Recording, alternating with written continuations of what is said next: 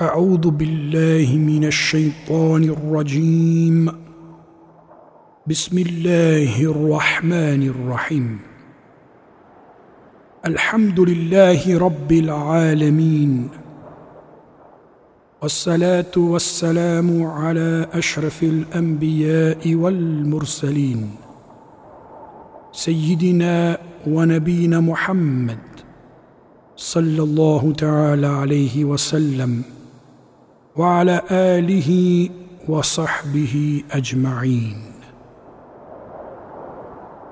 Hadisi za čuvanje na jazikot. Ebu Hureyre radijallahu anhu prenesува дека Allahoviот пратеник саллаллаху алейхи васелем рекол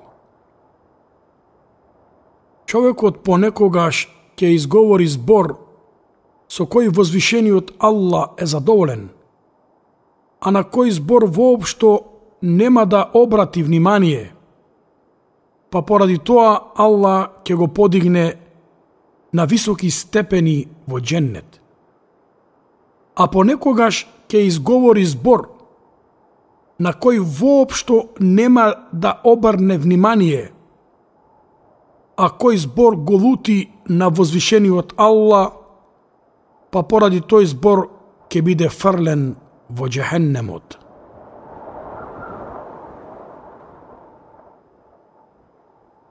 Се пренесува од Абдуллах ибн Амар ибн Аз, ради Аллаху анху, дека Аллаховиот пратеник саллаллаху алейхи васелем рекол Муслиман е оној од чии раце и јазик се сигурни другите муслимани.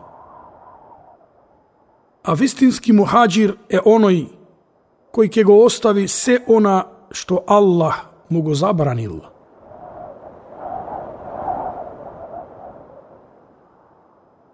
Ибн Омер ради Аллаху анху пренесува дека Аллаховиот пратеник саллаллаху алейхи васелем заедно со Абдурахман ибн Ауф, со Саад ибн Аби Вакас и Абдуллах ибн Масуд ради Аллаху анхум го посетиле на асхабот Саад ибн Убаде ради Аллаху анху. И пратеникот салаллаху алейхи васелем кога го видел, заплакал. Кога луѓето виделе дека пратеникот салаллаху алейхи васелем плаче, и тие почнале да плачат. А тој им рече, Послушајте, навистина Аллах не казнува заради окото кое солзи, ниту заради срцето кое тагува но казнува или укажува на милост заради ова и потоа покажал кон јазикот.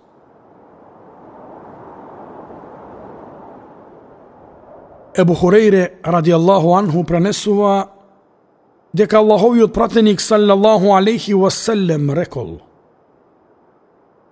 Кога некој од вас пости нека не зборува бесрамно и нека не галами. Ако некој го навредува, го пцуе или напаѓа, само нека рече јас постам. Абдуллах ибн Буср ради Аллаху анху пренесува дека некој човек рекол Аллахов пратенику – На вистина, прописите на исламот се многу бројни. Па укажи ми на нешто за што цврсто ќе се придржувам. Пратеникот, салаллаху алейхи васелем, му рече Нека твојот јазик биде постојано влажен од спомнување на Аллах. Ебу Хурейре ради Аллаху анху пренесува дека веровесникот саллаллаху алейхи васелем рекол кој верува во Аллах и во судниот ден нека говори само она што е добро или пак нека молчи.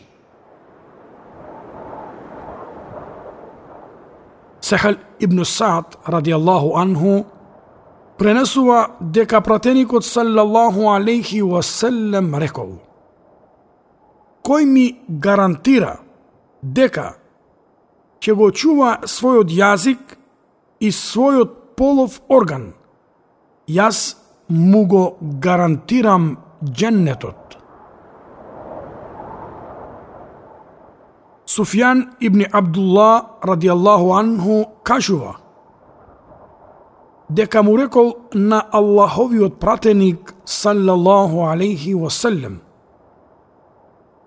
посоветувај ме со нешто за кое цврсто ќе се држам. А пратеникот саллаллаху алейхи васелем му рече изговори мој господаре Аллах, а потоа истрај на тоа. Суфијан запраша. Аллахов пратенику, од што најповеќе се плашиш за мене? А пратеникот се фати за јазикот и рече, од ова.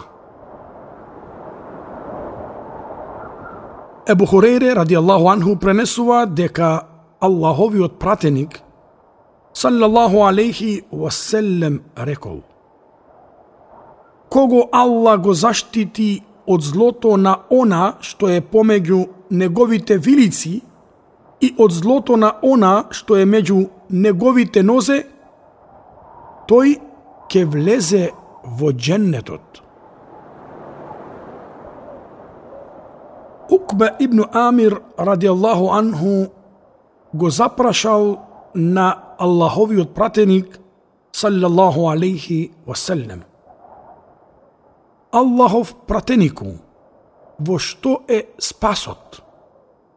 А тој му одговорил, внимавај на својот јазик, чувај го својот јазик, држи се до својот дом и плачи над својот греф.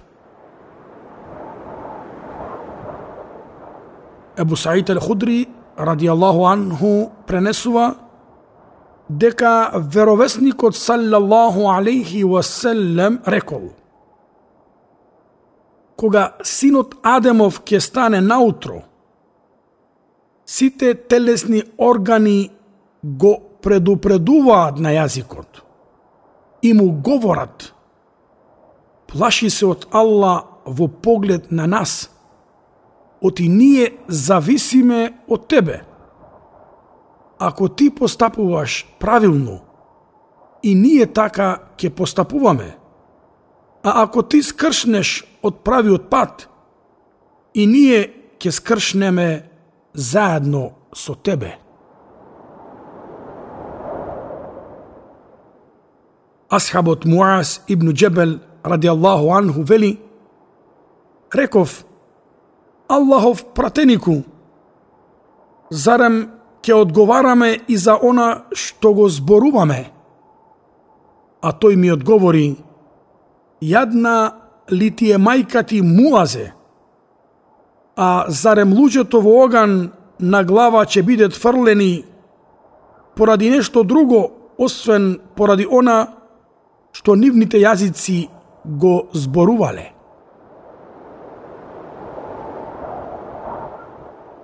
Аиша радијаллаху анха пренесува дека таа му рекла на веровесникот саллаллаху алейхи васелем Доста ти е што е Сафија таква и таква.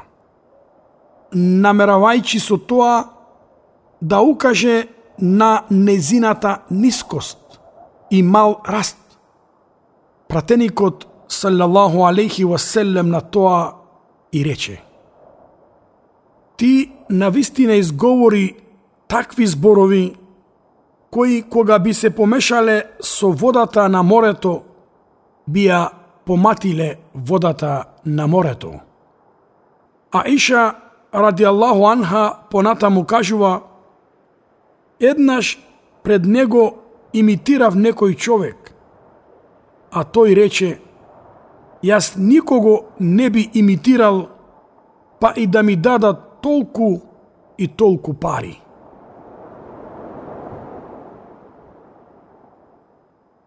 Енес, ради Аллаху анху, пренесува дека Аллаховиот пратеник, саллаллаху алейхи васелем, рекол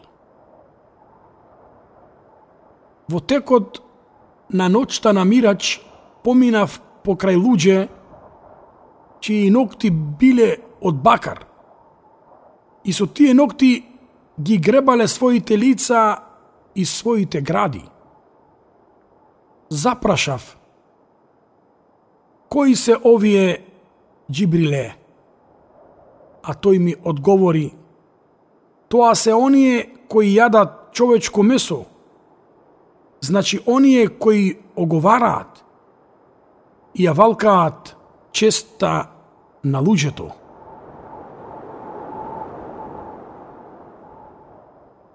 Ебу Хурейре, ради Аллаху Анху, пренесува дека Аллаховиот пратеник, саллаллаху алейхи васелем, рекол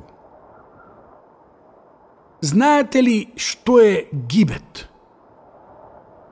Знаете ли што е тоа озборување? Аллах и неговиот пратеник знаат најдобро, одговорија присутните. Озборување е својот брат муслиман да го спомнуваш по она што тој мрази, рече пратеникот, салаллаху алейхи васелем. Некој запраша, а ако е тоа на вистина така, како што сум рекол за својот брат, на што пратеникот, салаллаху алейхи васелем, одговори, ако е вистина она што си кажал за него, тогаш си го озборувал, а ако не е вистина, тогаш си го наклеветил.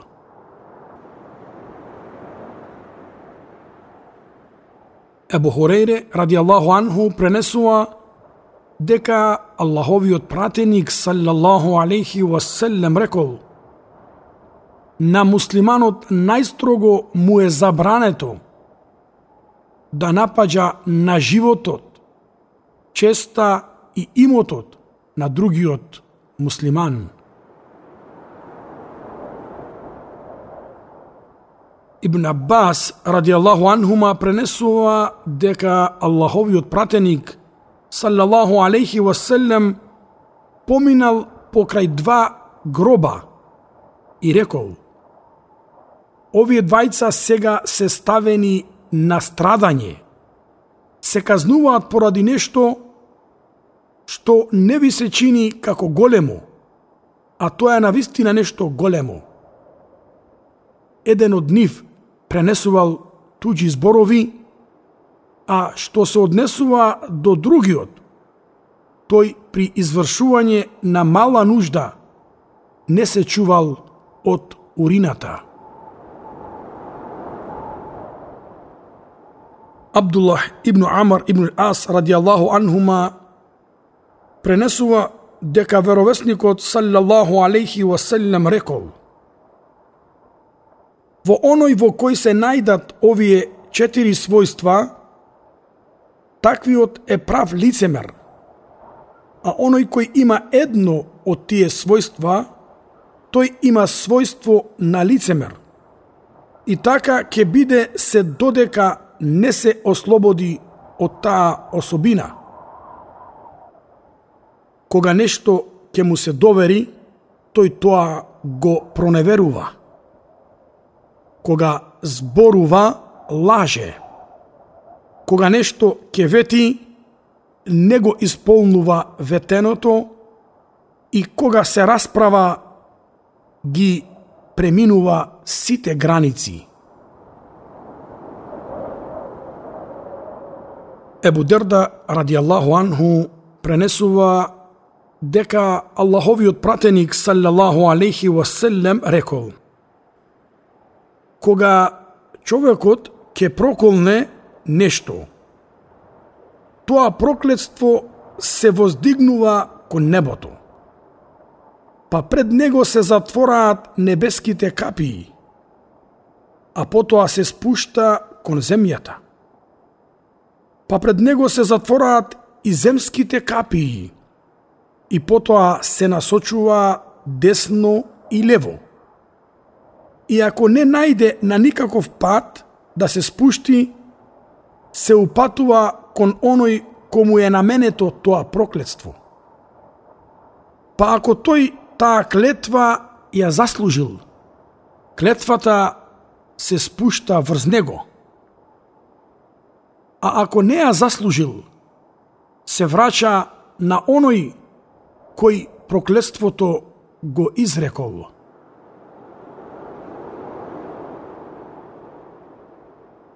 Аллаховиот пратеник саллалаху алейхи васелем рекол Каматата има 73 видови. Најлесна од нив е како човек да се ожени со собствената мајка. А најголема камата на муслиманот е кога ја сквернави честа на другиот муслиман.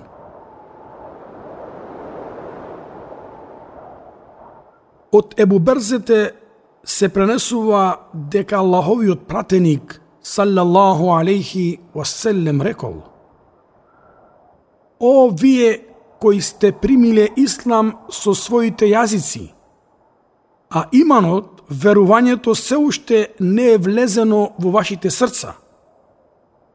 Немојте да ги вознемирувате муслиманите. Немојте да ги посрамотите – и не откривајте ги нивните грешки, бидејќи на вистина тој кој ќе ги изнесе грешките на својот брат муслиман, Аллах ќе ги разоткрие неговите грешки, а на оној на кого Аллах ќе му ги разоткрие неговите грешки, ќе го посрамоти, па дури и во длабочината на неговата куќа. الحمد لله الذي بنعمته تتم الصالحات Благодарноста му припаѓа на Аллах, со чија заслуга и благодат завршуваат сите добри работи.